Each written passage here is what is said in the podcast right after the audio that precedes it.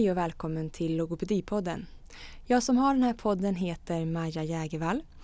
Jag är logoped och eh, sitter i Växjö för den som vill veta det. Jag har startat den här podden för att jag vill sprida logopedisk kunskap på ett nytt sätt. Vi får se lite hur den utvecklar sig. Den är en del av eh, mitt projekt slash eh, företag Bonjour kommunikation. Ni kan gå in på bonjourkommunikation.se för att läsa mer. Hur ofta som eh, avsnitten kommer att komma ut har jag inte riktigt bestämt än. Det får vi se i vilken takt jag har möjlighet att spela in. Men jag kommer att eh, hojta till på Instagram och på hemsidan när det närmar sig. Jag vill även tacka min svägerska Tora Jägervall för musiken och min man Kalle Jägervall för klippningen av avsnitten. Med det här lilla introt vill jag egentligen bara säga varmt välkomna. Hoppas att eh, ni tycker om formatet och eh, trevlig lyssning. Nu kör vi!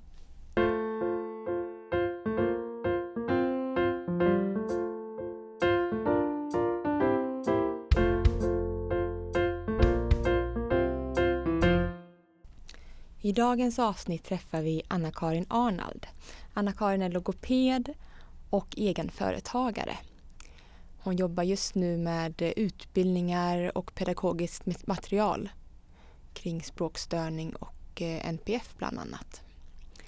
Det här är det första avsnittet så ni får ha mm, lite överseende med mig. Eh, Anna-Karin var väldigt bra att intervjua som första person. Eh, så jag tackar henne för det. Och så bara kör vi nu. Varsågoda, avsnitt ett.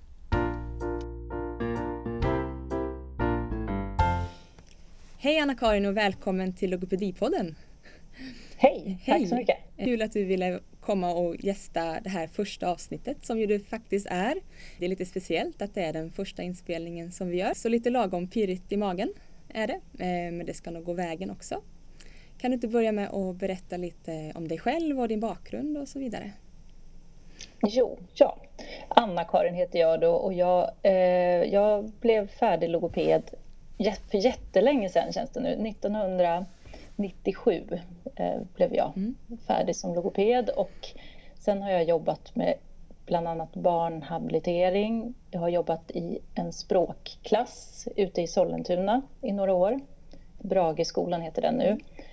Sen har jag jobbat med en egen mottagning tillsammans med några andra eh, delägare och eh, gjort läs och skrivutredningar och jobbat med barn med språkstörningar. Eh, och sen för några år sedan så bestämde jag mig för att göra något helt annat fast ändå inom logopedi så att jag, jag lämnade det kliniska arbetet och startade ett företag som heter Only for Heroes som jobbar med läromedel och eh, e-, egentligen var tanken att jobba med, med logopedmaterial, sådana här behandlingsmaterial som vi aldrig hittar och som vi sitter och gör och klipper och klistrar själva. Mm. Eh, men logopedvärlden är ju lite för liten för att det ska bära sig att bara sälja sånt så att vi har riktat oss mycket mot skolor, förskolor, eh, olika typer av hjälpmedel för barn, ungdomar och vuxna med funktionsnedsättningar. Och nu sedan eh, ett år tillbaka så heter företaget Funka Mera. Så att det som var Only for Heroes eh, är numera en del kan man säga av ett företag som heter Funka Mera som gör samma sak som tidigare men med ett annat namn och lite, mm. lite större. Vi gick ihop med mm. ett annat företag. Så. Ja, så, så det är det jag gör. Kul att göra något annat eller att just det här ja. att starta något eget och använda sin logopediska kunskap till något annat än just regelrättig behandling så att säga. Ja, det är kul. Det är ja. jättekul att göra något annat. Mm. Även om det, det har ju också sina nackdelar såklart. Men, eh, nej, men det var roligt att få testa något nytt. Mm. Så, eh, verkligen. Då är det både, den ena delen är föreläsningar och utbildningar. Eh, vilka, vilka ja. riktar ni er till då? Är det bara logopeder eller är det Och, och skolor Nej, eller är det andra? Det är framförallt förskolor, skolor som vi riktar oss till med våra utbildningar och föreläsningar. Mm. Eh, till föräldrar också men, men eh, inte så mycket föräldrar utan det är mer skolor och förskolor som anlitar oss för det. Eh, och då har vi också en webbkurs om språkstörning som riktar sig till eh, lågstadie, ja, lärare i lågstadiet kan man säga. Mm. Så det är ganska ja, ja, grundläggande information om språkstörning eh, för den som jobbar med, med eleverna i klassrummet. Mm. Så det är det ena mm. vi gör. Just det här Precis. är det webbaserat, är det många från hela, hela landet som tar del av det? Ja, mm. det, det, är från hela landet. Så då, ja, precis. Ja, men där har vi nog haft kunder som har handlat ifrån större delen av landet, eller vad säger kurs, kurstagare säger man. Mm. Mm. Eh, i skolor. Så det är det som är bra att det är webbaserat, att det är ingen som behöver resa. Eh, så det blir praktiskt och lätt på det mm. sättet att få informationen. Och man kan gå den när man vill, man behöver inte anpassa sig till en speciell dag. Mm. Eh, utan man kan ta eh, kursen på kvällarna eller på dagarna eller ja, precis när det passar. Mm. Är det bara du som håller i utbildningarna eller är det andra logopeder, eh, lärare eller så också? Eller? Vi har två logopeder i, i Funkamera så att det är jag och eh, en kollega till mig som också är logoped som heter Linda McCluskey som håller i just den här eh, webbkursen. Eh, och ja, det är även vi som håller i de flesta utbildningarna eh, hos oss. Eh, och vi har inga lärare hos oss idag eh, utan eh, har lite olika typer av kompetenser. Mm. Och den här andra delen, just den Funka Mera, det det var från början, det var mer pedagogiskt material? Ja, eh. exakt. Pedagogiskt material, specialpedagogiskt material eller vad man ska säga. Mm. um, jag har varit inne på sidan och, och scrollat runt lite och man blir väldigt sugen på att handla en massa. Ja, det, det känns man. väldigt inspirerande. och då jobbar jag inte ens med barnlogopedi eller sådär. Ja, en väldigt bra mix med, med grejer. Hur kommer ni fram till vad som ska vara där? Vad, vad ni ska sälja och vad som... Ja, det är ju en lång process. Eh, mycket, det har varit väldigt mycket trial and error genom åren. Eh, jag började med, med så, eh, som jag sa så började jag med logopedmaterial, sådana spel och eh, både spel riktade till föräldrar men också till, till skolor och behandlingsmaterial till logopeder. Sen så upptäckte vi ganska snabbt att det som det fanns en stor efterfrågan för, för på var sådana här typer fidgets eller pillerillsaker, alltså saker att hålla i händerna och greja med medan man sitter, och, sitter i klassrummet eller sitter hos logopeden eller hemma framför TVn just för de barn och ungdomar som kan ha svårt med, med fokus och lugn. Så eh, i och med att vi upptäckte att det var så efterfrågat och så populärt så har vi tagit in många sådana saker. Eh, och nästa sak som vi upptäckte var att tugghjälpmedel var väldigt efterfrågat och fanns nästan ingenting i Sverige när vi började. Eh, och jag visste, logoped som jag är, så visste jag faktiskt inte själv att det fanns ett så stort behov. Eh, att det är så många barn, framförallt barn men även vuxna som, som biter på allt de kommer över. Eh, och vi har hört historier om söndertuggade elkontakter och leksaksbilar, fjärrkontroller. De biter sönder sina kläder, de biter sönder händer och naglar. Eh, så, så att eh, det kan vara både rent farligt och ohälsosamt och in, inte, ganska oekonomiskt också med barn som biter sönder sina kläder. Så då har vi börjat att ta in just tugg, tuggsmycken och tuggleksaker, tugghjälpmedel som är säkra, kemiskt säkra då och ehm, eh, lite mer praktiska, mm. man kan tvätta av dem, de håller längre. Och det, det, har varit jättepopulärt. Så man kan väl säga, nu, det var ett långt svar på din fråga, mm. men man kan väl säga att vi, vi, vi prövar oss fram och det som, det som säljer mm. finns det ett behov av och då fortsätter vi med det. Lite så. Och så får vi ju nosa efter trender såklart och höra oss för, mm. både utifrån vår kompetens och personer vi pratar med.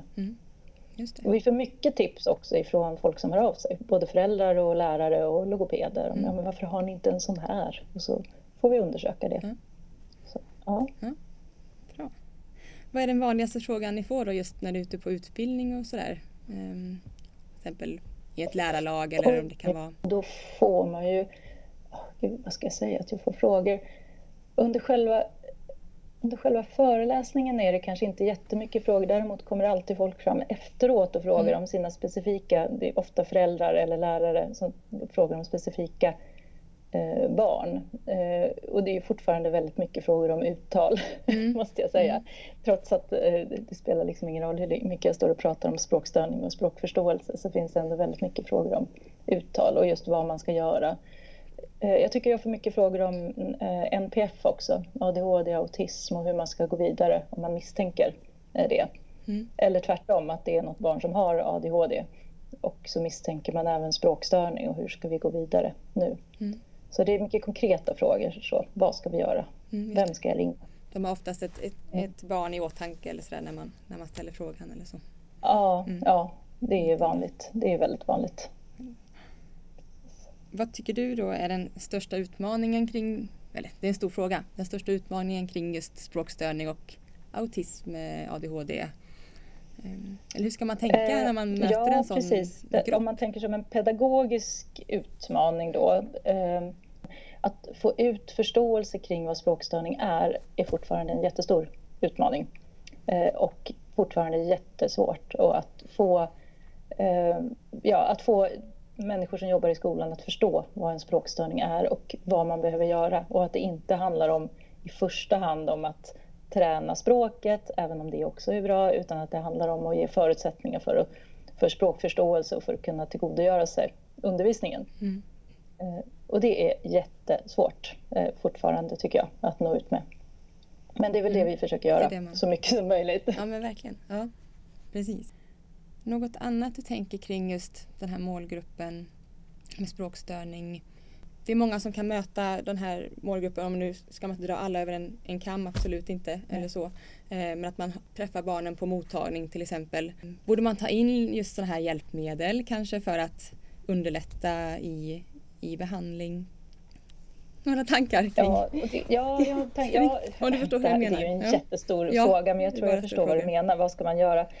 Eh, i första hand så beror det ju naturligtvis på hur gammalt barnet är och vilken typ av språkstörning det är. Eh, jag tror att man ska inte tänka bara behandling utan att eh, man måste se till hela barnets miljö.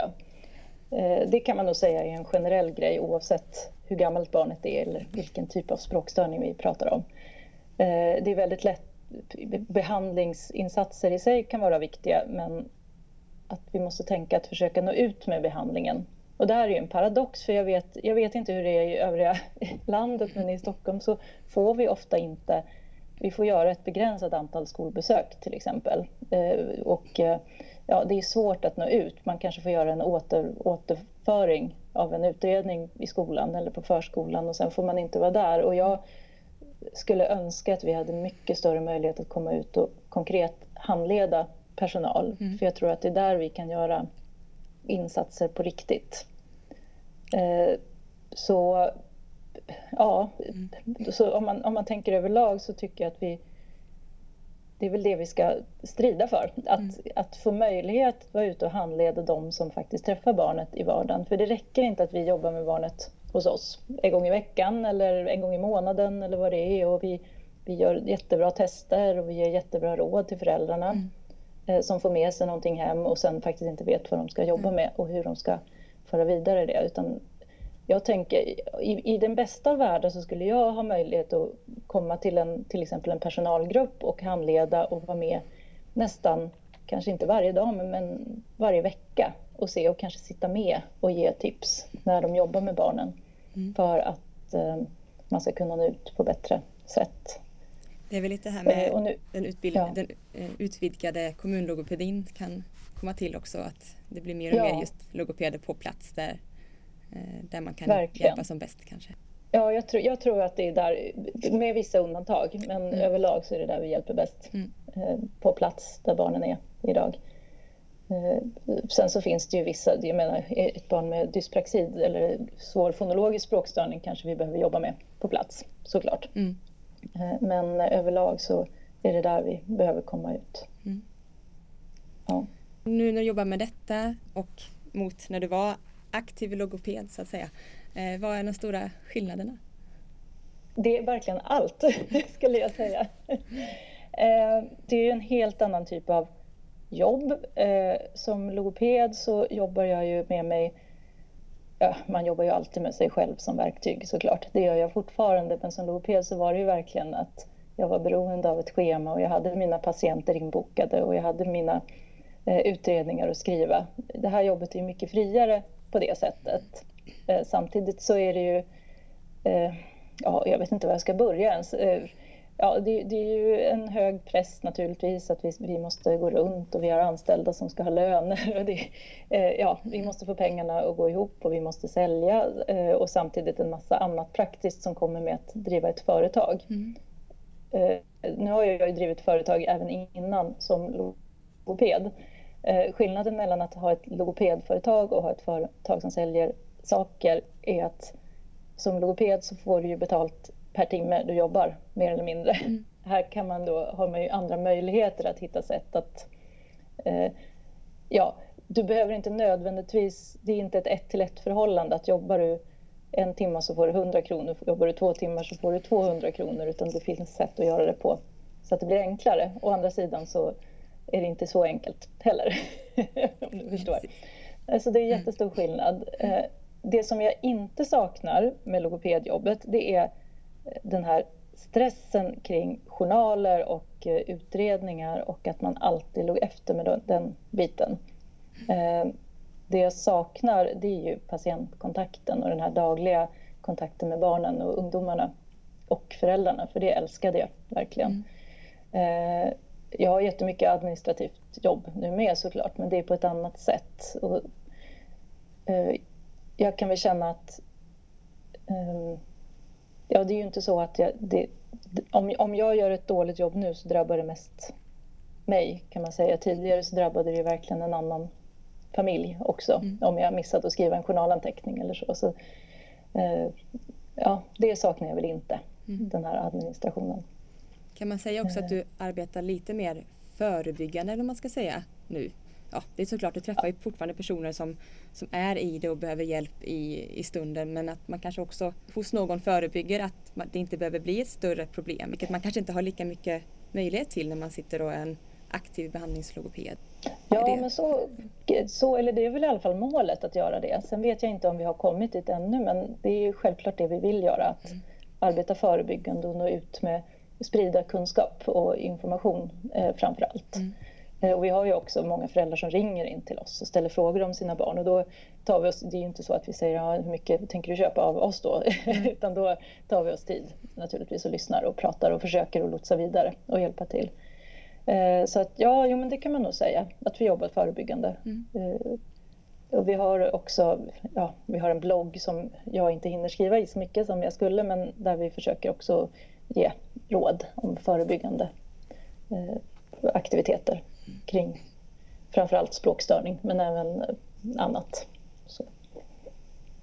Är det något annat nu som du känner att det här har jag inte fått säga eller kommit fram? Annars kommer jag till min, mina sista frågor. Oj.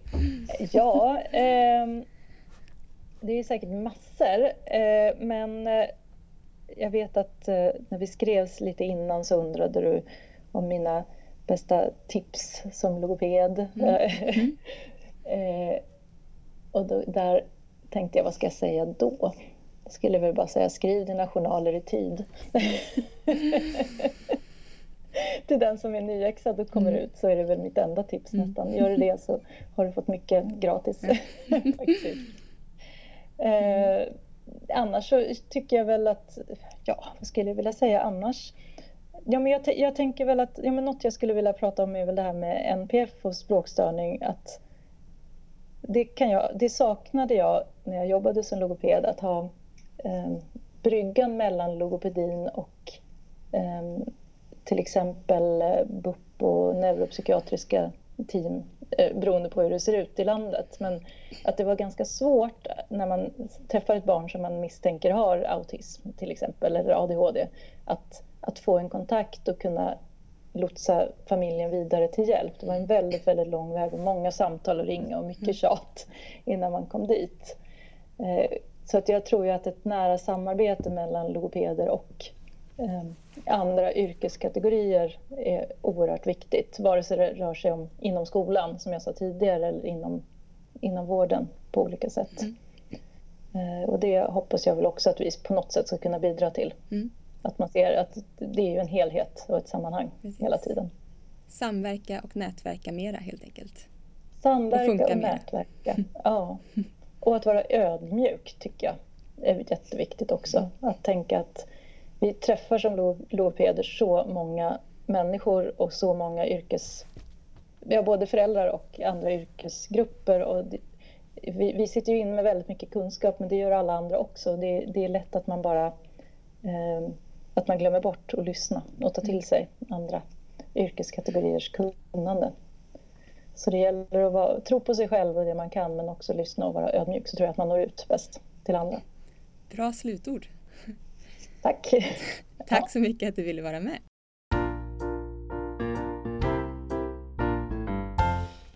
Så var det gjort det första avsnittet. En sammanfattning och länkar till Anna-Karins hemsidor och Instagram kommer att finnas på bonjourkommunikation.se. Ni klickar vidare till eh, podcast där. Jag kommer även lägga upp eh, länk på Instagram och kanske att det kommer finnas på eh, en blogg också. Vi får se. Eh, det har jag inte riktigt bestämt än. Jag vill så gärna, såklart gärna höra vad ni tycker och ni får gärna mejla på maja.jagervall.gmail.com eller skriva på Instagram eller på hemsidan. Har ni även förslag på personer eller ämnen som ni skulle vilja höra mer om så får ni jättegärna även skriva det. Så, det var allt för idag. Vi hörs en annan dag. Hej då!